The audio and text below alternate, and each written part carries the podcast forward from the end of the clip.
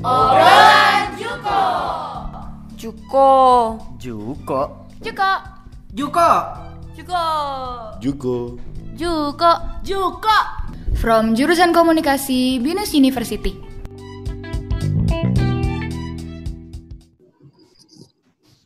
Halo semuanya. Halo teman-teman. Hai, terima kasih banyak sudah bergabung dengan uh, acara kita hari ini ya. Kita di ngobrol bareng Juko. Hari ini kita akan ngobrolin tentang serba-serbi public relations. Sebelumnya saya mau tanya dulu nih, ini dari sekolah mana aja ya? Dan kelas berapa?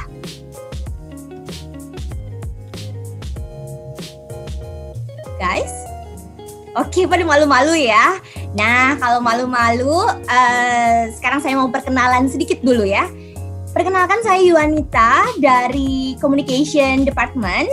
Hari ini saya tidak sendiri karena saya hanya akan menjadi host saja. Kita sudah uh, kedatangan seorang tamu istimewa ya, Miss Maria Anggia. Halo Miss Maria. Halo Miss Yuanita. Halo, Halo semuanya. Halo teman-teman. Hai semuanya. Oke, ini pada malu-malu ya. Hai. Belum jamnya. Oke. Jadi Miss Maria ini adalah Head of Communication Department ya. Uh, hari ini kita akan ngobrol banyak tentang public relations terutama. Tapi sebelumnya silakan uh, Miss Maria mau ngasih tahu dulu Oke, ilmu komunis itu judulnya seperti apa sih? Miss Wanita, uh, selamat sore teman-teman. Perkenalkan nama saya Maria Anggia. Seperti yang tadi sudah disebutkan oleh Miss Yuanita, saya adalah Head of Department, Head of Communication Department Binus University.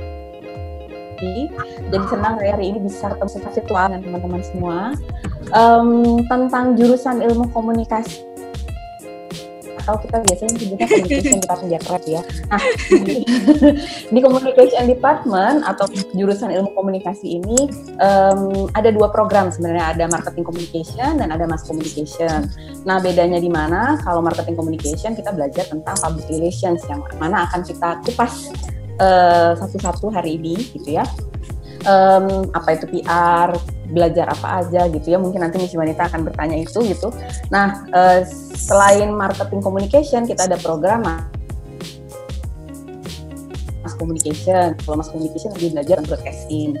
Jadi buat teman-teman yang tertarik untuk uh, mempelajari gimana bikin program TV bikin program radio program digital nah itu belajarnya di program mass communication atau broadcasting Um, kalau jurusan ilmu komunikasi sendiri berdiri tahun 2008 dan kita sudah terakreditasi A dengan uh, jumlah lulusan sejak 2011 pertama kali ada lulusan itu hampir 3.000 ah, orang. Udah Jadi banyak ya lulusannya ya.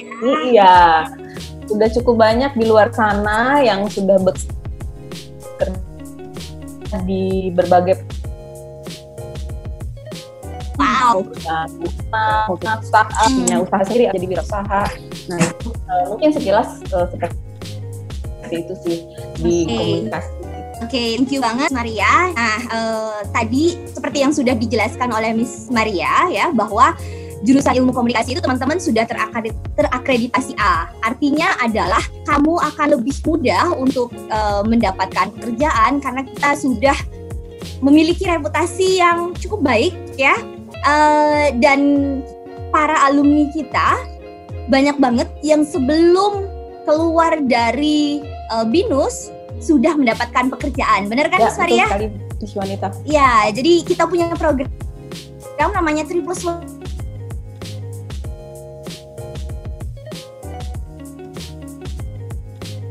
program Tripswani uh, kamu akan mendapatkan enrichment ya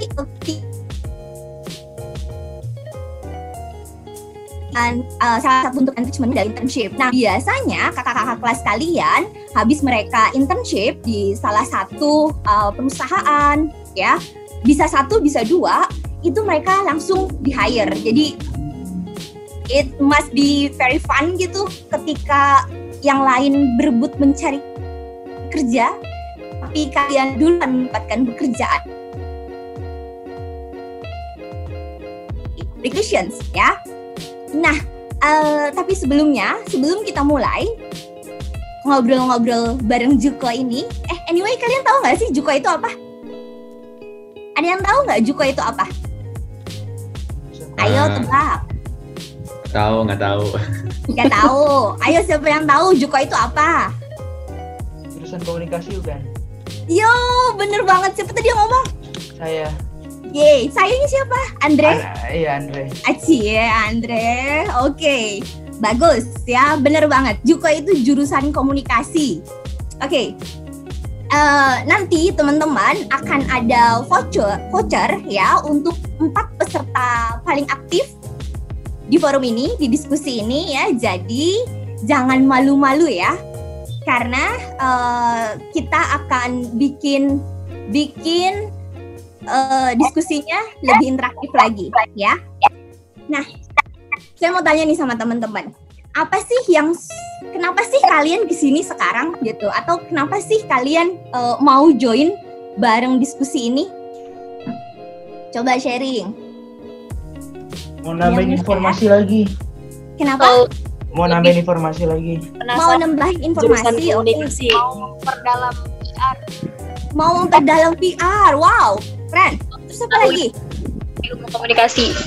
Pengen tahu ilmu komunikasi. Oke, tak kenal maka tak sayang ya. Makanya kita kenalan dulu hari ini. Asik. Oke, jadi teman-teman eh, di dalam ilmu komunikasi itu ada PR ya. Nah, PR ini punya banyak sekali mitos. Mitos-mitos eh, tentang PR yang pernah kalian dengar tuh apa? Ada nggak? Kalau kamu dengar PR de- eh, terkait apa sih? harus bisa ngomong harus bisa ngomong. Oke. Juru bicara. lagi. Pandai bicara, good looking, Juru Harus bicara. pandai bicara, harus good looking. Alright. Ada lagi Juru Like. bicara. juru bicara. Oke, PR harus jadi juru bicara. Ada lagi?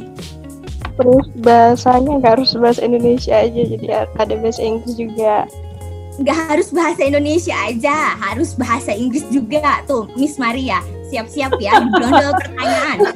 Ini akan banyak. Iya iya iya. banyak berkaitan dengan krisis, publikasi. Wih, keren banget. Rahel ya ini yang jawab ya? Iya, Berkaitan dengan krisis, publikasi. Waduh, apalagi tuh? terus harus ada grooming.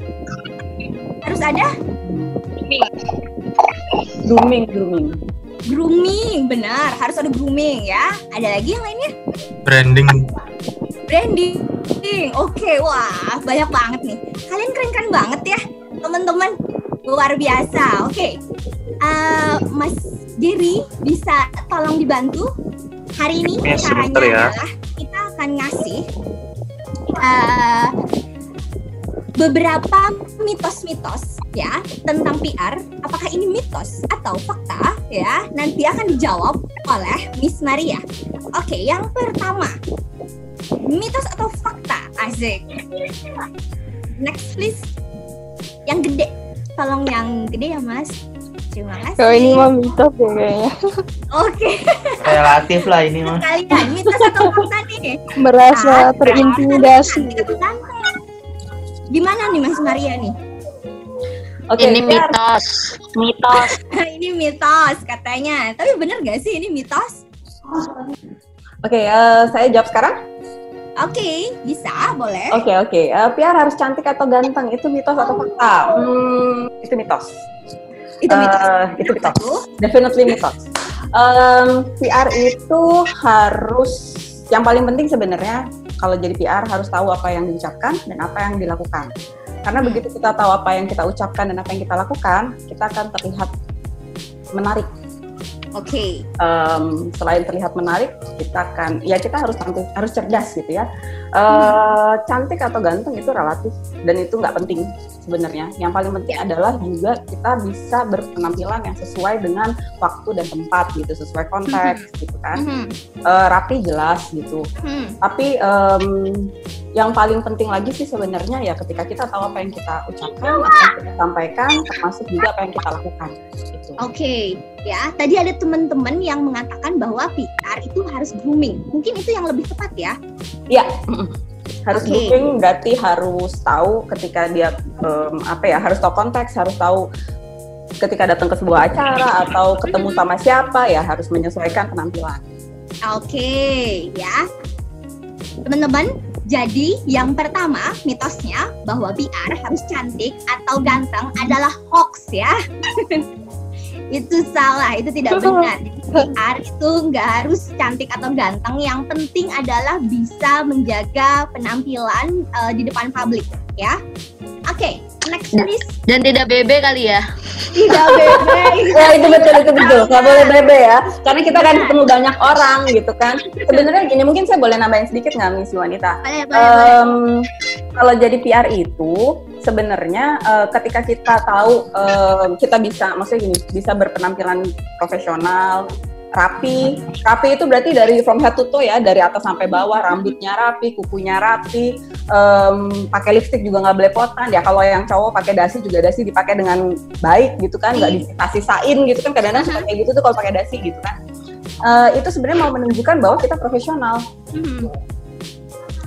Tapi teman-teman, eh, sekarang ya dunia PR itu sudah sangat berkembang ya.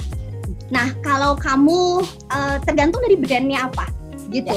Dia Ya. akan menyesuaikan brand eh, seperti apa brand yang kamu eh, apa namanya kamu pegang gitu ya. Nah, kita beralih ke yang kedua. Oke. Yang kedua mitosnya adalah kerjaan PR itu cuma buat jaga image aja. Benar nggak ya? Ayo benar nggak teman-teman? Terus dong, masa gitu. Mitos, mitos. Mitos. Nggak ayo cuman sih. Mitos. Mitos. Oke. Gimana nih Miss Maria? Mitos Oke. atau fakta? kerjaan PR cuma buat jaga image, mitos atau fakta?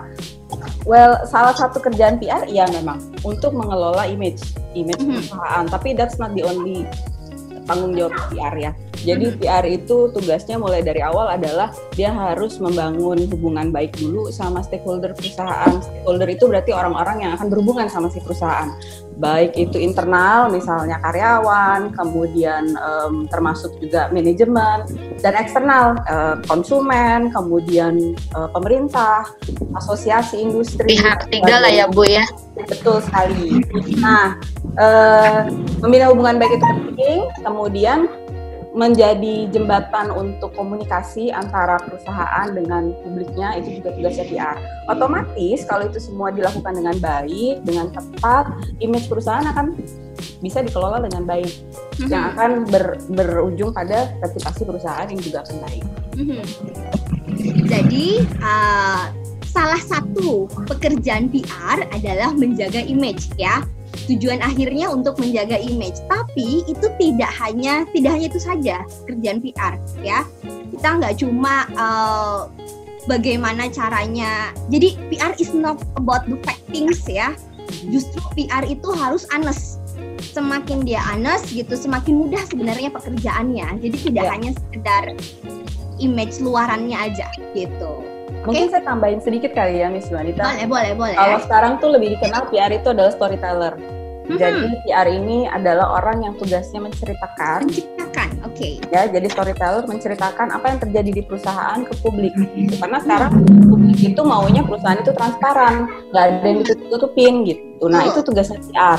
Jadi PR ini yang akan mengelola semua informasi yang ada di dalam perusahaan untuk sampai ke eh, publik. Nah Hmm. gimana cara nyampeinnya? Bisa lewat macam-macam. Platform kan sekarang banyak, bisa Iya. lewat platform digital, website, sosial media gitu kan. Termasuk juga masih bekerja sama dengan teman-teman media, dengan jurnalis, lewat media coverage dan sebagainya. Oke. Nah, kalau kalian suka sosial media juga teman-teman ya, salah satu pekerjaan PR yang menurut Dede-dede itu cukup seru adalah eh, bisa menghubungi para influencer teman-teman. Ya. Iya. Jadi uh, banyak banget mahasiswa kami yang cerita ya, oh ternyata Miss kita jadi tahu Miss influencer ini begini kalau dihubungin, Ya. influencer ini begitu kalau dihubungin. Jadi ya uh, seru lah ya. Oke, Ya. next please. Nah, PR nggak ada bedanya dengan marketing. Ayo, mitos atau fakta, teman-teman? Kayaknya Beda beda. Beda, oke. Beda. Beda. Yang lainnya? Perhubungan. Apa? beda. Mitos. Beda. Sama. Serupa namun tidak sama. Serupa namun tidak sama. Iya, iya, iya. Oke. Yang bisa jelasin nggak bedanya apa kalau beda? Tujuannya beda. Tujuannya beda. Siapa itu dia ngomong? Rahel. Oke, Rahel. Kalau tujuan PR buat apa, Rahel? Tujuan PR eh, leb- eh, membangun citra ya kayak tadi. Misalnya Oke. kalau marketing lebih meningkatkan penjualan produk Memasarkan pemasaran ya. Memasarkan produknya. Oke. Yang lainnya co- coba. Bedanya kalau beda, bedanya apa ya? G.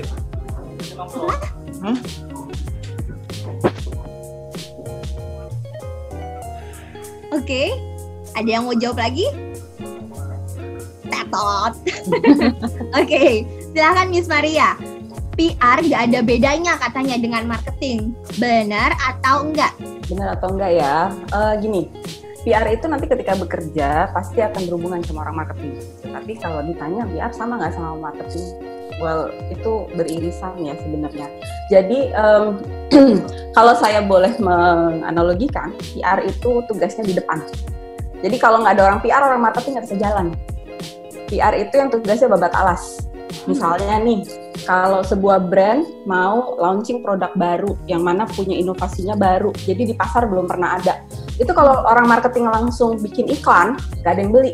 Karena apa? Nggak tahu itu produk apa. Dijelasin lewat iklan, iklan kan waktunya terbatas. Kan?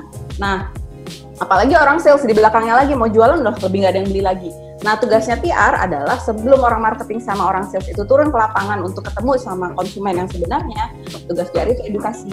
Nah, edukasinya lewat apa? Macam-macam.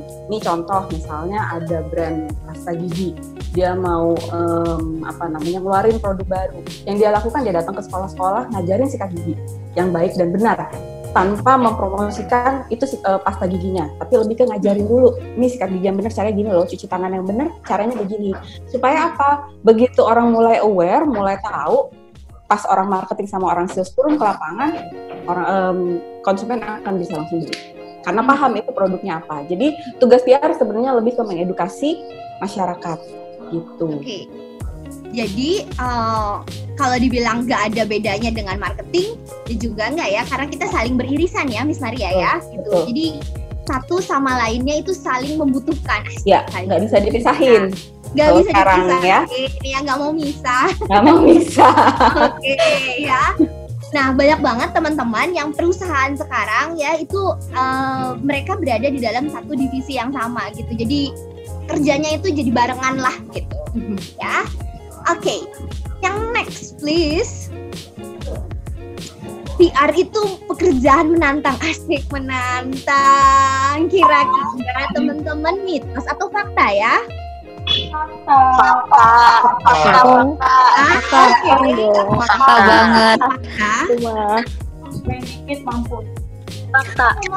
Coba-coba jelasin kenapa sih kok bisa pekerjaannya menantang? Karena dia bawa nama baik perusahaan itu sendiri. Oke, ini indah ya. Oke. Siapa?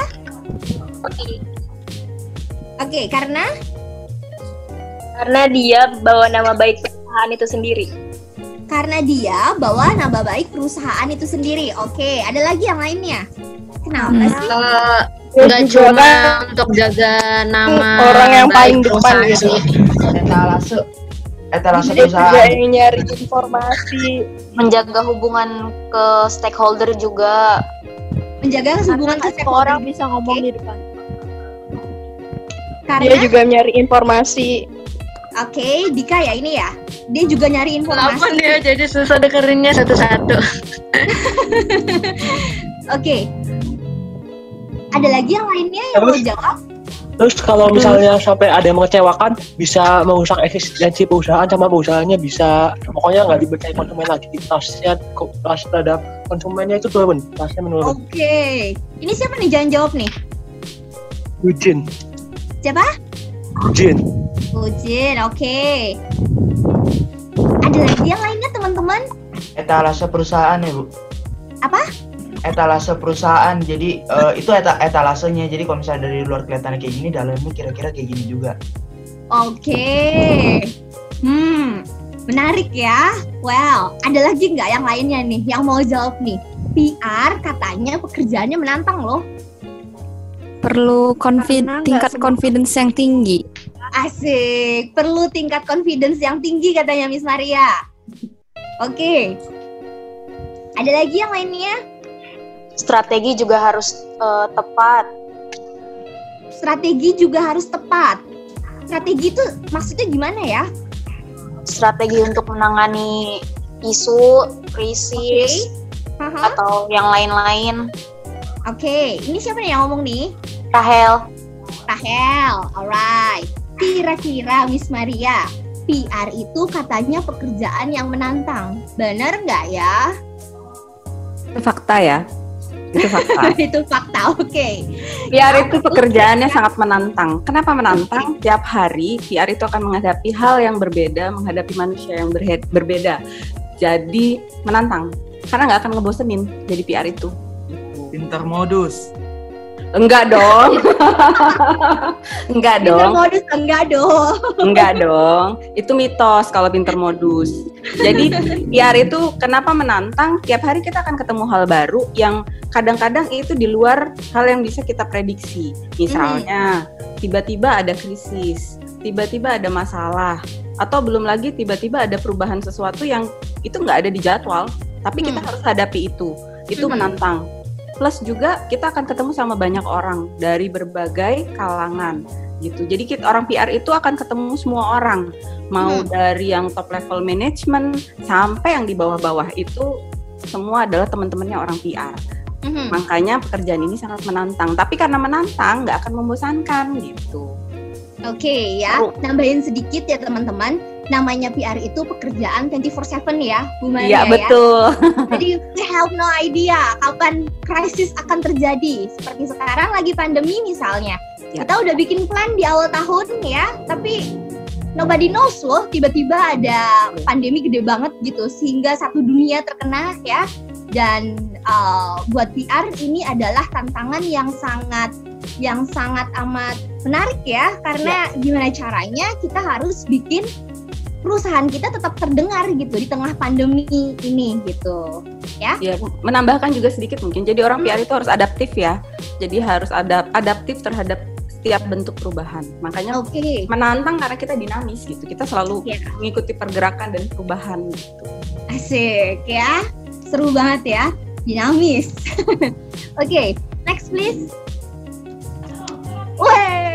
Weh, PR sukanya party katanya. mitos. Mitos itu mah. Ayo, mitos atau fakta? Bisa jadi mitos. Mitos. Mitos. Masa suka party? Bisa jadi suka party. Tergantung orangnya sih. tergantung orangnya. Ada eh, hobi. enggak sih hobi. boleh boleh nyampein pendapat nggak? Boleh, boleh, boleh. Ini siapa ya? Sorry. jadi gini kak, Eh, ini Dika. Oke, Dika. Ya, jadi kalau menurut aku eh, stigma kata party itu jangan selalu negatif gitu ya. Jadi Oke. someday itu kita punya ya someday itu ada partner atau pihak ketiga yang memang mereka punya event-event yang ber- eh, berkelas gitu. Jadi cara masuk PR untuk melobi si pihak ketiganya tuh bisa lewat party gitu loh. Oke. Jadi nggak nggak nggak identik dengan party itu dugem dunia gemerlap yang minum alkohol lah, yang narkoba lah apa enggak eh, enggak karena memang ada ya mungkin eh, mbaknya juga mungkin ngerti maksudnya gitu kan. Jadi Oke, untuk oke. melobi beberapa bos-bos gitu kan biasanya kan kalau ditemukan di dalam perusahaan tuh kayaknya strength dan susah banget kira untuk jebol masuk ke ruangannya itu gitu loh. Sedangkan kalau dalam suasana party kita dapat bocorannya eh si bos ini ada di ini nih gitu kan. Kebetulan memang ada nah, Oke. ada relate-nya sama tujuannya eh, company kita, mungkin kita di situ bisa ngelobi gitu. Tapi dalam tanda kutip positif loh ya, bukan yang genit-genit Oke. gimana gitu. Oke, thank you banget Tika, keren banget jawabannya ya.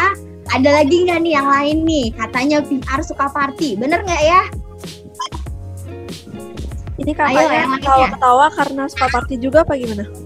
Kenapa? Kakaknya kalau ketawa karena suka party juga atau enggak? Kamu Why not party, why not? Nggak ada yang salah dengan party selama kita bisa jaga diri, no alcohol, no drugs, it's okay. Oh, mantap tuh. Iya, nggak usah Iya, oke, munafik. Oke.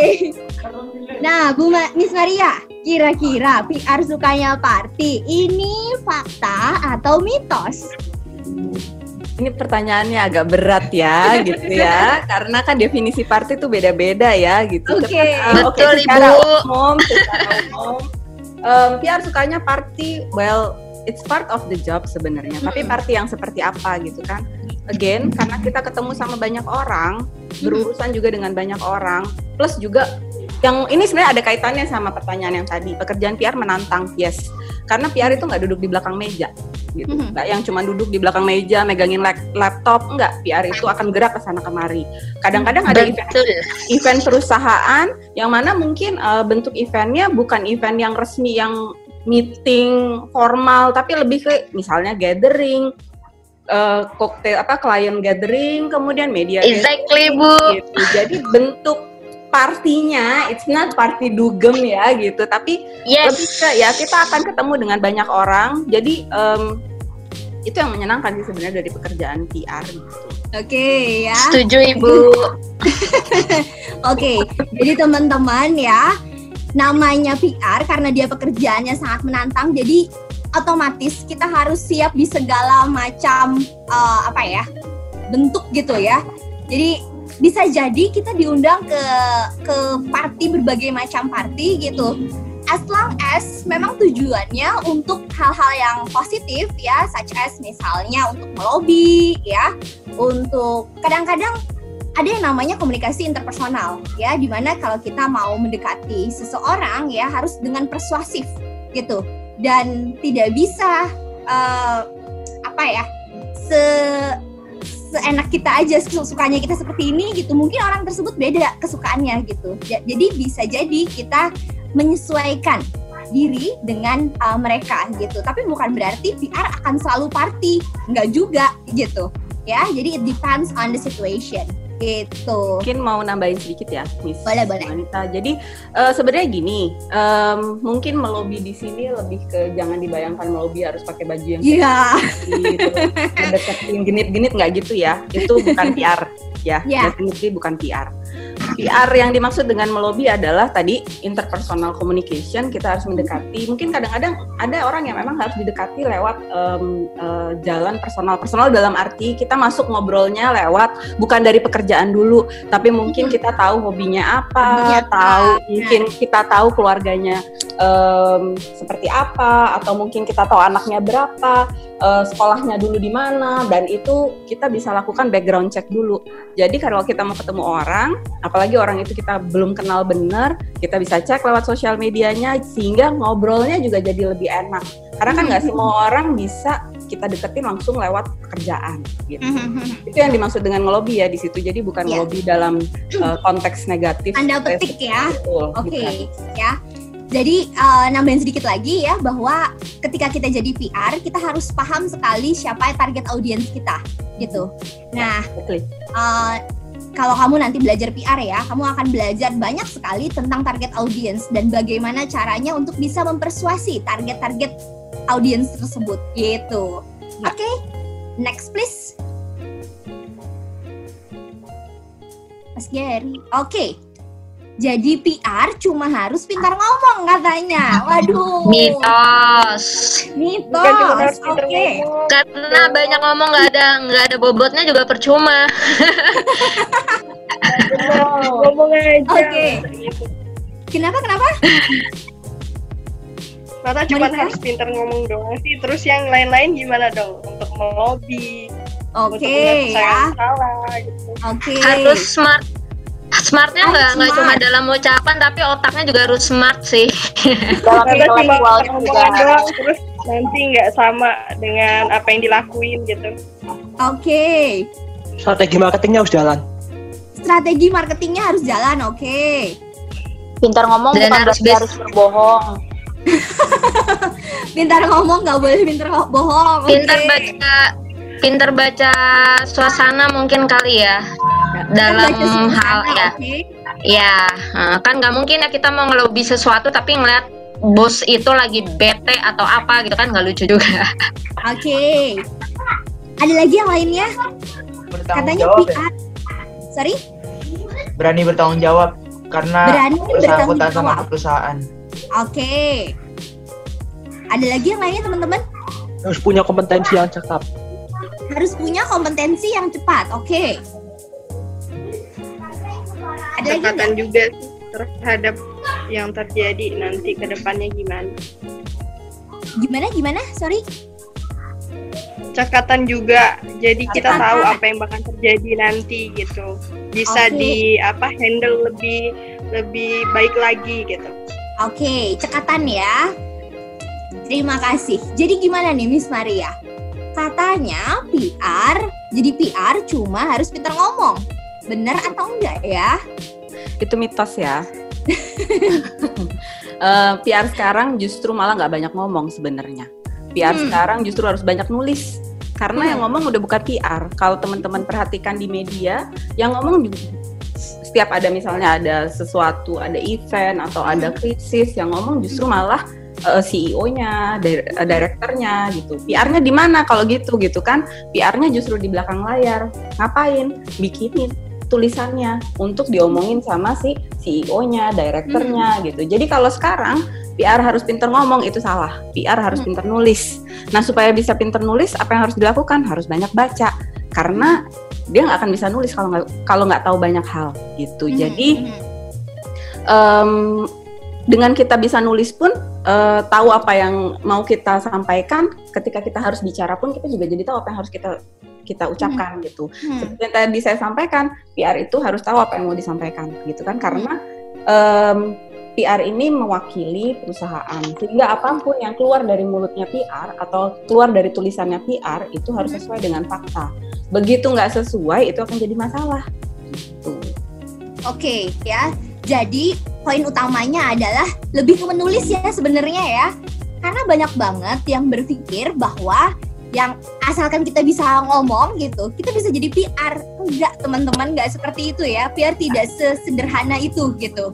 Jadi eh, PR adalah orang yang berada di balik layar orang-orang besar gitu Ya. yang kita lihat.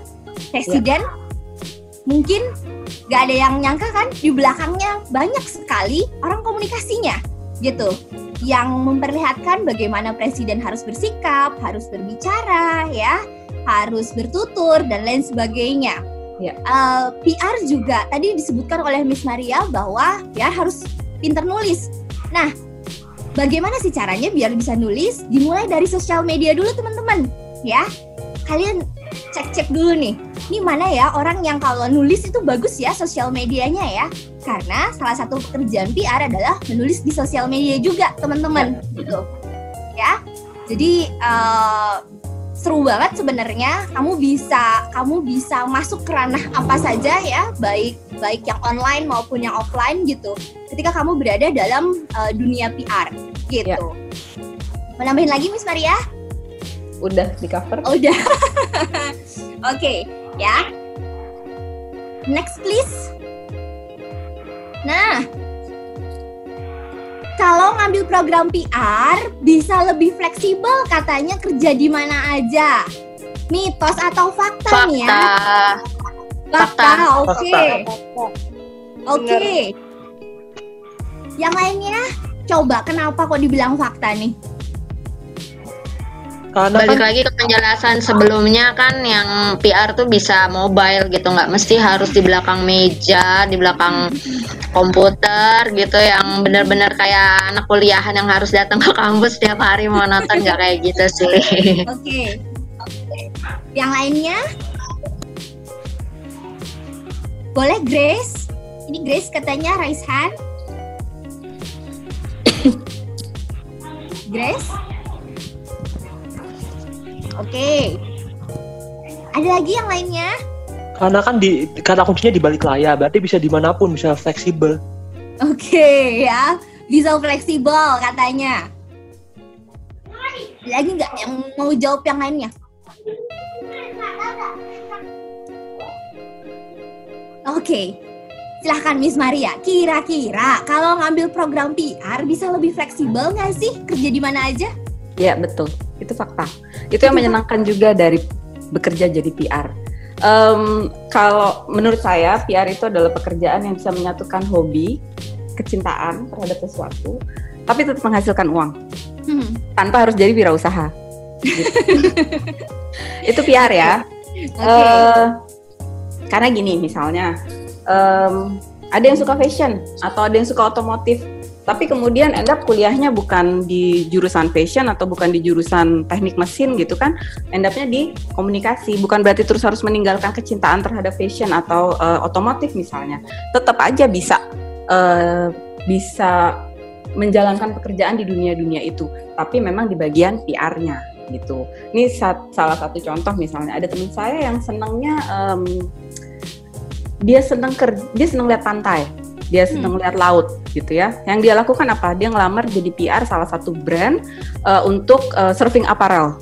Hmm. jadi dia kerja di brand-brand itu. Yang mana kantornya adalah di Bali. Jadi setiap hari kantornya ngelihatnya pantai, ngelihatnya laut, urusannya sama server, em, peselancar gitu kan ya. Kadang-kadang ikut nyobain eh, surfing. Yang menurut saya that's the fun thing about PR gitu. Oke, Jadi ya.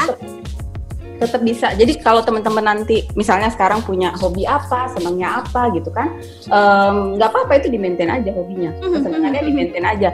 Sekolah tetap sekolah, kuliah tetap kuliah gitu. Nanti begitu kerja, tinggal fokus. Saya maunya kerja di perusahaan yang industrinya adalah ini gitu, karena itu Hmm. adalah kesukaan saya. Jadi tetap bisa menjalani pekerjaan dengan em, happy, dengan senang gitu, dapat duit gitu kan, tapi tetap bisa em, apa namanya hobinya, kecintaannya itu tetap jadi bagian Jurusannya dari juga kesehariannya. nyambung Iya Iya. betul, Oke. Nambah link bener juga kali mungkin ya Bu ya. iya betul. Kenapa? Kenapa? Nambah link. Iya, Nambah benar, link nambah partner. link. ya. Ya.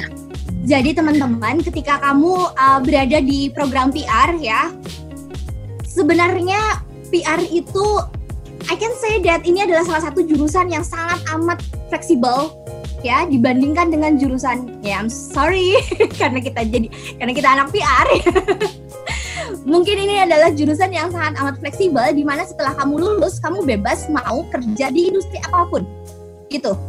Let's say tadi Miss Maria bilang kamu sangat suka fashion gitu dan kamu uh, sangat passionate dengan fashion tersebut. Nanti kalau saya udah kerja saya mau kerja di dunia fashion ah, tapi kan jurusan saya jurusan PR. Justru itulah menariknya PR ya.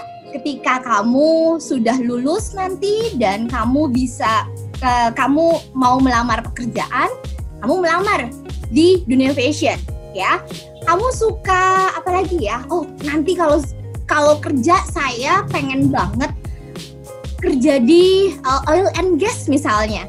Tapi tuh saya nggak ngerti gimana caranya apa hal-hal yang eh saya nggak suka matematika, saya Ah. nggak suka.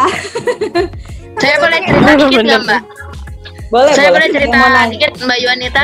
Cerita? Iya boleh boleh. Eh, saya dulu eh, kuliahnya eh, advertising. Eh, sebelumnya di PR, tapi kemudian pecah PR yang PR dengan PR advertising.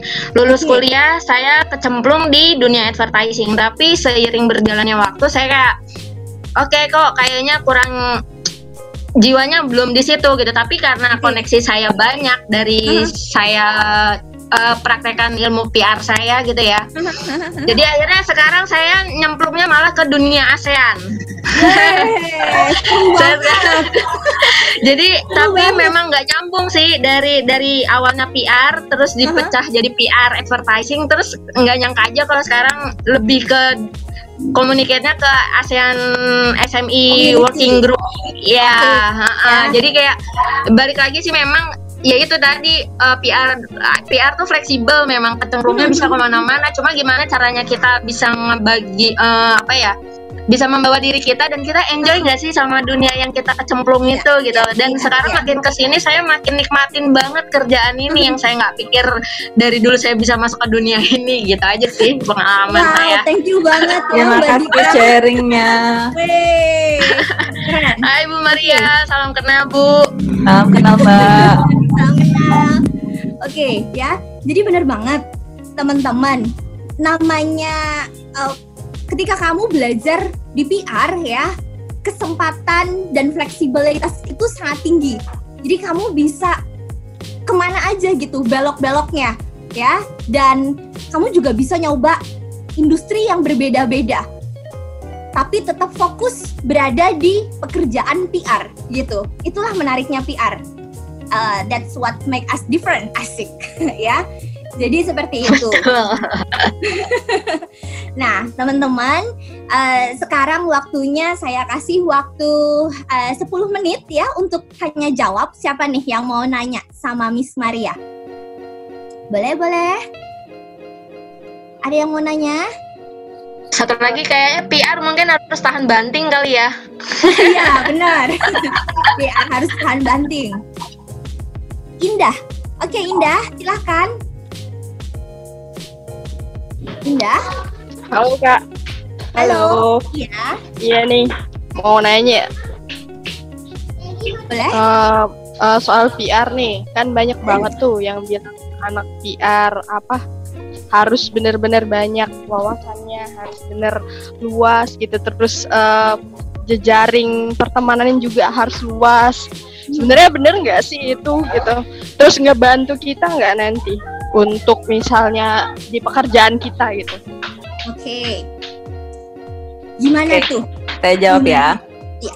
Eh, tadi eh, PR itu harus punya banyak koneksi, eh bukan koneksi, em, kenalan gitu kan, banyak banyak link, banyak temen, harus banyak baca itu benar gitu karena em, PR kan akan ya balik-balik lagi ya, PR akan ketemu banyak orang gitu. Jadi eh, ketika PR akan menyampaikan informasi pun dia juga harus tahu target audiensnya siapa. Nah untuk bisa tahu siapa yang mau akan baca tulisannya, siapa yang akan akses sosial medianya si perusahaan, dia juga harus tahu tuh eh, kepada siapa dia akan berbicara. Nah untuk bisa tahu siapa dia kepada siapa dia akan berbicara, ya dia harus kenal dulu siapa target audiensnya. Nah cara kenalnya lewat apa? Baca, em, riset, kemudian sambil ngobrol-ngobrol juga nih kalau saya boleh saranin teman-teman kalau nanti kuliah PR begitu lulus masuk asosi- eh, ikut asosiasi PR misalnya di situ penting untuk memperluas jaringan eh, kenalan gitu kan. Dan akan dapat banyak banget informasi baru yang pasti berguna buat pekerjaan. Termasuk ketika masih kuliah gitu ya. Penting untuk punya teman yang banyak banget. Kenapa? Nanti pas sudah kerja akan ketemu lagi. Gitu. Jadi eh, itu penting eh, punya hubungan baik dengan banyak orang sehingga ketika nanti bekerja kita siapa tahu akan ketemu, akan bekerja sama, akan lebih mudah komunikasinya gitu. Mhm, mhm. Ya. Jadi eh, Indah ya tadi yang bertanya ya. Iya, iya kak. Indah, oke. Jadi eh, bener banget ya ketika kita jadi berada di program PR gitu, maka lebih lebih akan menguntungkan ketika kita bisa kenal dengan banyak orang gitu. Itu akan mempermudah kita nanti ketika bekerja, networkingnya lebih uh, akan bisa kepake sebenarnya. Gitu ya Indah ya. Iya, makasih ya Miss Kak Iwan. sama-sama. Yang lainnya ada yang mau bertanya lagi? Aku mau tanya dong. Boleh. Ini dengan Aku mau siapa? tanya, uh, dari Angelica. Oke, Angelica. Aku mau tanya, uh, kalau mau masuk PR itu harus uh, punya kepribadian ekstrovert ya? Oh. Oke, kira-kira gimana tuh, Miss Maria? Soalnya kan harus jago uh, apa sih bertatap muka dengan orang lain, aktif berbicara gitu kan. Dan itu kebanyakan di ekstrovert gitu. Oke. nggak harus ya kayaknya Oke, harus ekstrovert apa enggak gitu. Terus kalau orangnya harus ekstrovert, berarti yang introvert nggak bisa jadi PR dong gitu kan. Well, sebenarnya nggak gitu sih gitu. Eh, extrovert, introvert, everyone can be a PR gitu ya. Eh, itu sebenarnya kayak kalau eh, mungkin tadi berpikirnya kenapa harus ekstrovert? Karena harus banyak ngomong. Ngomong itu bisa dipelajari, sama Hmm. halnya dengan nulis. Itu bukan bakat. Buat saya, saya cuma percaya bakat yang dapat dari lahir itu cuma sakit gula sama bakat gambar. ya, Ah, sorry, bakat nyanyi. Gitu ya. Kita bisa tahu tuh penyanyi bagus apa enggak suaranya dari as- dari lahir apa enggak itu suaranya bagus tuh cuma penyanyi gitu itu bakat gitu sama eh, sakit gula ya itu bakat ya Selebihnya ngomong, apa bicara, menulis itu sesuatu yang bisa dipelajari gitu. Cuman memang hal-hal seperti itu kita harus sabar belajar karena butuh proses. Jadi siapa pun bisa jadi PR, mau dia ekstrovert, mau dia introvert gitu kan. Yang penting itu tadi tahu apa yang mau disampaikan sehingga em, komunikasinya juga bisa lancar. Hmm. Oh, baik baik. Paham paham. Oke. Paham ya? Terima ya Angelika. Oke, thank Sip. you. Ada lagi teman-teman yang mau bertanya yang lainnya ayo. Mau nanya dong, Eh, saya kak mau nanya. Tadi siapa yang cowok? saya, saya. Yuan? Iya, iya. Oke, silakan Yuan. Ah, Namanya sama ya, Yuan dan Yuan. Iya, saya cowok. Saya cowok. Halo Yuan. ya mau lanjutin pertanyaan yang tadi kalau uh, Oke. kita introvert tapi udah terlanjur ngambil studi uh, PR ya itu kira-kira cocoknya uh, pekerjaan PR yang cocok untuk kita apa ya untuk yang introvert PR advertising marketing dan sebagainya di pemerintahan ini cocoknya untuk PR jenis apa yang tugasnya apa apa aja Oke. Silakan Bu Maria. Oke, em, jenis pekerjaan PR yang seperti apa yang cocok buat introvert? Well, em, sebenarnya sih ketika jadi PR banyak hal yang akan kita lakukan ya. Agak susah kalau kita milih-milih. Saya cuma mau ngelola sosial media gitu. Anyway, ketika kalau misalnya nih, oh karena kalau sosial media saya nggak perlu ketemu banyak orang kan tugas saya cuma bikin caption, cari konten, selesai, upload selesai gitu, nggak gitu gitu. Ketika kita mau ngelola sosial media pun kita harus ngobrol sama orang, kadang-kadang harus interview orang dulu gitu kan, supaya yang kita sampaikan memang relevan sama si audiens gitu. Jadi ketika eh, kalau tadi ditanya yang mana yang cocok, PR akan ngerjain banyak hal sih gitu. Dan balik ke jawaban saya yang tadi ya, saya masih konsisten dengan jawaban saya yang tadi. Orang PR itu nggak masalah mau eh, introvert mau ekstrovert gitu kan. Yang penting apa yang mau disampaikan tuh dia paham bener gitu. Jadi itu sebenarnya sih nggak ngaruh sih gitu. Ya, jadi sebenarnya teman-teman ini tuh bukan tentang eh, introvert atau Ya. extrovert ya, tapi bagaimana kita bisa profesional bekerja. That's the thing sih sebenarnya. Gitu. Kalaupun kamu introvert misalnya eh, hari itu kamu akan banyak banget ketemu klien, ya kamu bisa bisa istirahat dulu sebentar gitu, memulihkan tenagamu ya. It's all about being professional aja sih ya. Jadi bukan bukan tentang eh, kepribadian kita apakah dia introvert atau extrovert gitu kira-kira. Ada lagi yang mau bertanya teman-teman? Saya kakak. Mana tuh? Dwi, Dwi, Dwi mau tanya. Dwi, oke Dwi. Dwi, silahkan Dwi. Eh, mau nanya, kan tadi ada disebutkan kalau PR itu harus rajin membaca. Nah, kalau misalnya dari pribadi orangnya sendiri tuh nggak enjoy membaca, kira-kira ada nggak sih jalan lain buat nambah wawasan itu atau memang harus dipaksa untuk membaca? Oke. Silahkan Miss Maria. Oke, em, membaca di sini nggak harus baca em, yang panjang-panjang dan berat-berat ya. Sebenarnya ketika teman-teman mengakses sosial media, lihat eh, Instagram, lihat Twitter, itu juga termasuk membaca sebenarnya. Dan kecintaan ter- terhadap membaca itu bisa ditumbuhkan sebenarnya. Jadi sebenarnya eh, yang bikin orang senang baca apa sih? Karena punya rasa penasaran gitu. Kalau nggak penasaran, emang pasti susah gitu suruh baca karena nggak tertarik gitu kan. Nah, mulai aja dari hal yang kecil-kecil dan simpel-simpel buka sosial media lihat Twitter di Twitter akan ada banyak artikel yang bermanfaat gitu kan follow em, akun-akun yang memang banyak sharing informasi yang yang reliable gitu kan yang bisa dipercaya gitu nah baca dari situ nanti pelan-pelan em, saya yakin sih kecintaan terhadap membaca akan tumbuh dengan sendirinya jadi nggak harus membaca di sini bukan baca ini ya, bukan baca eh, mungkin kalau mulai dengan baca koran yang artikelnya berat banget gitu itu mungkin Iya. jadi nggak menarik gitu. Dimulai dengan baca majalah gitu kan, ya baca majalah mungkin majalahnya sebagai awal cari majalah yang ringan-ringan dulu. Nanti lama-lama dinaikin ininya eh, levelnya. Eh, Mungkin tadinya cuman baca Cosmopolitan, eh, Cosmo, kemudian Kelihatan umurnya ya. aku atau baca misalnya sekarang majalah um, apa sih ya ya majalah dulu Google, misalnya. Google.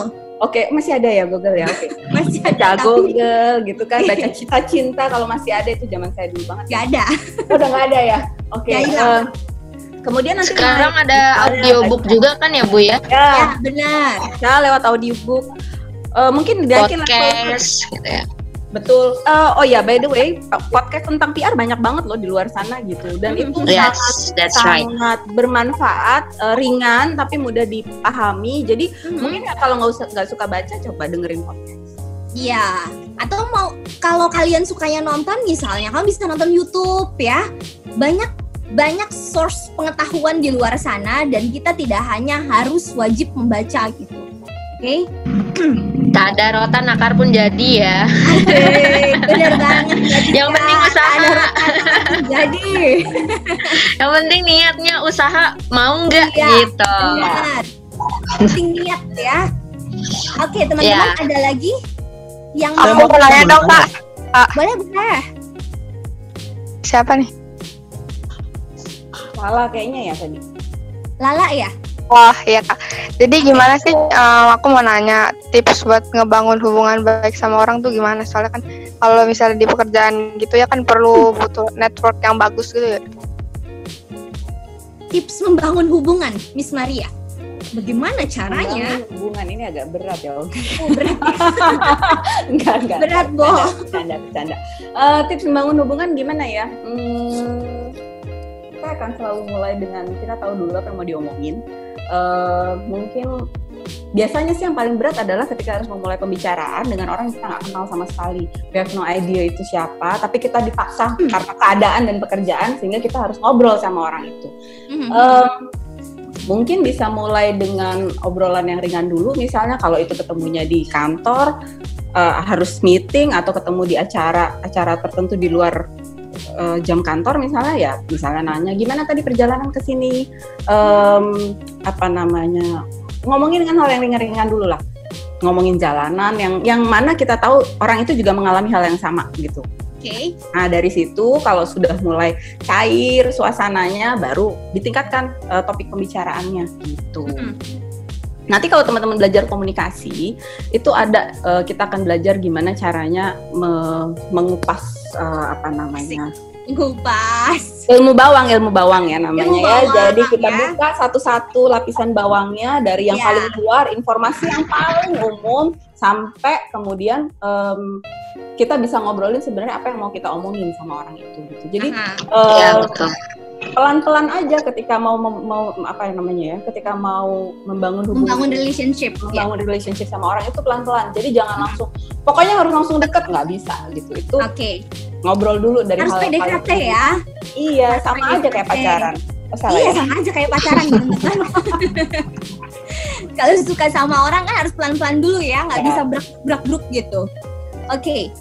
Ah, ini ada pertanyaan nih, Miss Maria di sini ya. Sebentar. Sama sebenarnya pertanyaannya mirip biar nggak sungkanan waktu deketin orang tuh gimana sih katanya. Asik. Biar nggak Oke. sungkanan. biar nggak segan maksudnya ya Iya. Oke, eh, gimana cara ngede- ngedeketin orang? Em, ada yang namanya nonverbal komunikasi. Eh, Jadi kita ngelihat dulu ekspresi wajahnya, kemudian kita lihat kondisinya. Apalagi kalau kalau misalnya itu orang yang sama-sama bekerja di tempat yang sama, eh, mungkin kita bisa cari tahu dulu dari kondisi pekerjaannya. Orang ini lagi bisa diajak ngobrol nggak gitu. Tapi kalau itu adalah orang baru yang kita nggak kenal, kita nggak tahu, tapi kita harus ngobrol sama dia. Hal yang paling gampang adalah lihat ekspresi wajahnya, gitu ya. Jadi kita lihat ini wajahnya kira-kira lagi bisa dideketin dan diajak ngobrol nggak gitu. Kadang-kadang mungkin kita lihat ada orang yang eh, misalnya nih ini contoh yang paling gampang gathering gitu ya. Misalnya lagi kumpul-kumpul rame-rame banyak orang. Kalau saya pribadi saya akan memilih untuk tidak mendekati orang yang lagi pegang handphone. Lagi fokus sama handphonenya itu lagi nggak bisa dideketin gitu. Lebih baik kita cari orang yang kadang-kadang gini, cari orang yang em, juga kelihatan lagi mencari orang yang sedang pengen diajak ngobrol. Nah itu akan lebih mudah didekati gitu. Itu kalau dalam konteks acara ya. gitu. Jadi eh, supaya nggak sungkan ya kita deketin orang yang emang lagi pengen diajak ngobrol lewat ekspresi wajahnya. Kita lihat dari ekspresi mukanya, dari gerak-gerik tubuhnya gitu. Nah, belajar komunikasi again akan belajar hal-hal yang seperti itu juga gitu. Iya, ya. Jadi belajar komunikasi itu sebenarnya adalah kita belajar hal-hal yang kita lakukan setiap hari gitu. Yang kadang, oh ternyata harusnya seperti itu ya. Kenapa saya selama ini melakukannya begini ya? Oh pantesan saya miskom terus sama nih orang gitu. Ya, jadi Ah. akan belajar uh, hal-hal yang boleh Boleh, Ah, boleh. boleh cerita lagi boleh, boleh, boleh Mbak Ah, Dika, silakan. jadi dulu jujur dulu waktu zaman kuliah aku juga bukan tipe orang yang banyak ngomong. Nah, ketika kecemplung di dunia pekerjaan, aku tuh ya biasalah dulu anak-anak anak baru kan paling cuma disuruh ini, suruh itu gitu kan. cuma seiring ya eh, akhirnya sering ditempa di dunia pekerjaan mulai dari nari eh, dapat bos yang yang santai, yang paling keras sampai paling keras lah pokoknya ibaratnya tuh. Jadi mem- membuat saya tuh jadi mentalnya kayak makin ditempa, makin oke, makin pede, makin pede. Bahkan ketika saya masuk di dunia ASEAN ini di luar dugaan loh, saya tuh maksudnya saya harus ketika bos saya coba kamu samperin itu Pak Menteri sampaikan sekian sekian sekian dan saya pernah juga didudukin berdua untuk de- dengan staf khusus, staf ahli menteri segala macem gitu dan ketika saya harus berhadapan dengan eh, delegasi dari berbagai negara di ASEAN gitu. Awalnya saya sempat nggak pede gitu. Apa bahasa Inggris saya oke, bla bla bla segala macam, tapi ya, ya. exactly gitu dengan seiringnya berjalan waktu memang yang tadinya pendiam tuh yang tadinya sungkan jadi apa gitu. Dengan kita baca di, udah bisa baca karakter seseorang walaupun kita baru pertama kali ketemu mungkin lama-lama jadi pasti yakin deh bisa. Yang penting sih ya yakin sama diri sendiri aja sih nggak ada yang nggak mungkin di dunia nih Benar ya, benar. Pamungkasnya ya, nggak ada yang nggak mungkin di dunia ini teman-teman. Iya. Ya. Betul. Terima kasih banyak Mbak Dika. Sama-sama, Oke. Mbak. Ini ada satu lagi, Miss Maria. Ya. Saat melakukan pendekatan, mana yang lebih penting? Apakah pendekatan intrapersonal atau interpersonal? Nah, coba dijawab. Pertanyaannya kayak lagi kuliah ya, intrapersonal lagi sama interpersonal ya gitu kan. well, um, gini. Bedanya dulu eh, apa nih, Miss Maria? intrapersonal itu sebenarnya gimana kita kenal diri kita sendiri gitu. Kalau interpersonal antar manusia. Jadi sebelum kita bisa ngobrol dan dekat sama orang lain, penting buat kita untuk kenal diri kita sendiri. Kita harus tahu dulu apa yang kita suka, apa yang kita nggak suka, eh, apa yang em, apa namanya apa yang bisa bikin kita moodnya bagus dan bisa bikin mood kita jelek itu kita harus kenal dulu. Artinya ngobrol sama diri sendiri itu penting. Itu intrapersonal. Nah setelah kita tahu kita maunya apa, sukanya gimana, pengennya diapain, di- diperlakukan seperti apa, nah baru kita bisa membangun komunikasi interpersonal. Jadi otomatis akan bagus. Karena kalau nggak kenal diri kita sendiri, ya gimana kita bisa membangun hubungan sama orang lain? Nanti Iya. dikit-dikit baper, dikit-dikit nggak mood, dikit-dikit bete gitu. Misalnya nih, gitu. jadi harus kenal dulu sama diri sendiri. ya. Jadi kita harus tahu dulu gitu bagaimana kita ya, apa yang apa yang eh, kita suka, apa yang kita nggak suka gitu sehingga kita bisa mengatur mood kita ketika kita berha- berhadapan dengan orang lain. Ya. Gitu kira-kira. Nah, teman-teman, sudah jam 5.30 artinya adalah ngobrol bareng Juko hari ini harus diselesaikan secara adat ya. Kurang Karena- lama. Kurang lama. Kita bikin lebih lama. Masih mau bertanya padahal. Mau tanya? Oke, silahkan ditulis. Nanti kita akan jawabnya gimana ya? Oh iya ya, kalian semua follow Instagram kita nggak? Follow. Follow ya, ayo follow semuanya di Communication Dep Binus ya, karena kita sering uh, akan banyak ngupas tentang komunikasi, nggak cuma PR tapi juga broadcasting ya di uh, di Instagram kita. Oke? Mungkin mau nambahin sedikit satu lagi? Boleh, boleh. Closing Eh, statement. closing statement, oke. Hmm, pesan saya cuma satu sih.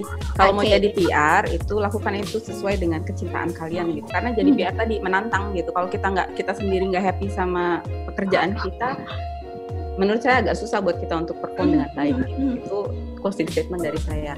Em, sama mau memperkenalkan juga bahwa kita punya podcast Juko ya, Miss Oke. Yuanita gitu, podcast obrolan Juko. Jadi silahkan cari di Spotify, di iTunes ada obrolan Juko. Jadi Iya, obrolan juga- Juko ya teman-teman. itu ada obrolan yang serius, ada obrolan yang eh, ringan-ringan gitu, yang Iya. banyak mengupas hal-hal yang berkaitan dengan komunikasi. Jadi kalau Ya, kalian dan semoga tidak garing ya. ada di situ. Kita crunchy, Um, kita nggak pernah garing, kita crunchy selalu. ya. Jadi di, di, di- didengarkan ya obrolan Juko dan jangan lupa communication Dev Binus Instagramnya. Oke? Thank you so much semuanya. kasih, Miss Yuanita. Terima kasih, Kak Yuan. Miss Maria. Thank you. Bye bye. Buka ya. Bye. Terima kasih Mbak Yuan, Bu Maria. Terima. Sampai ketemu lagi. Bye. Thank you, Kak.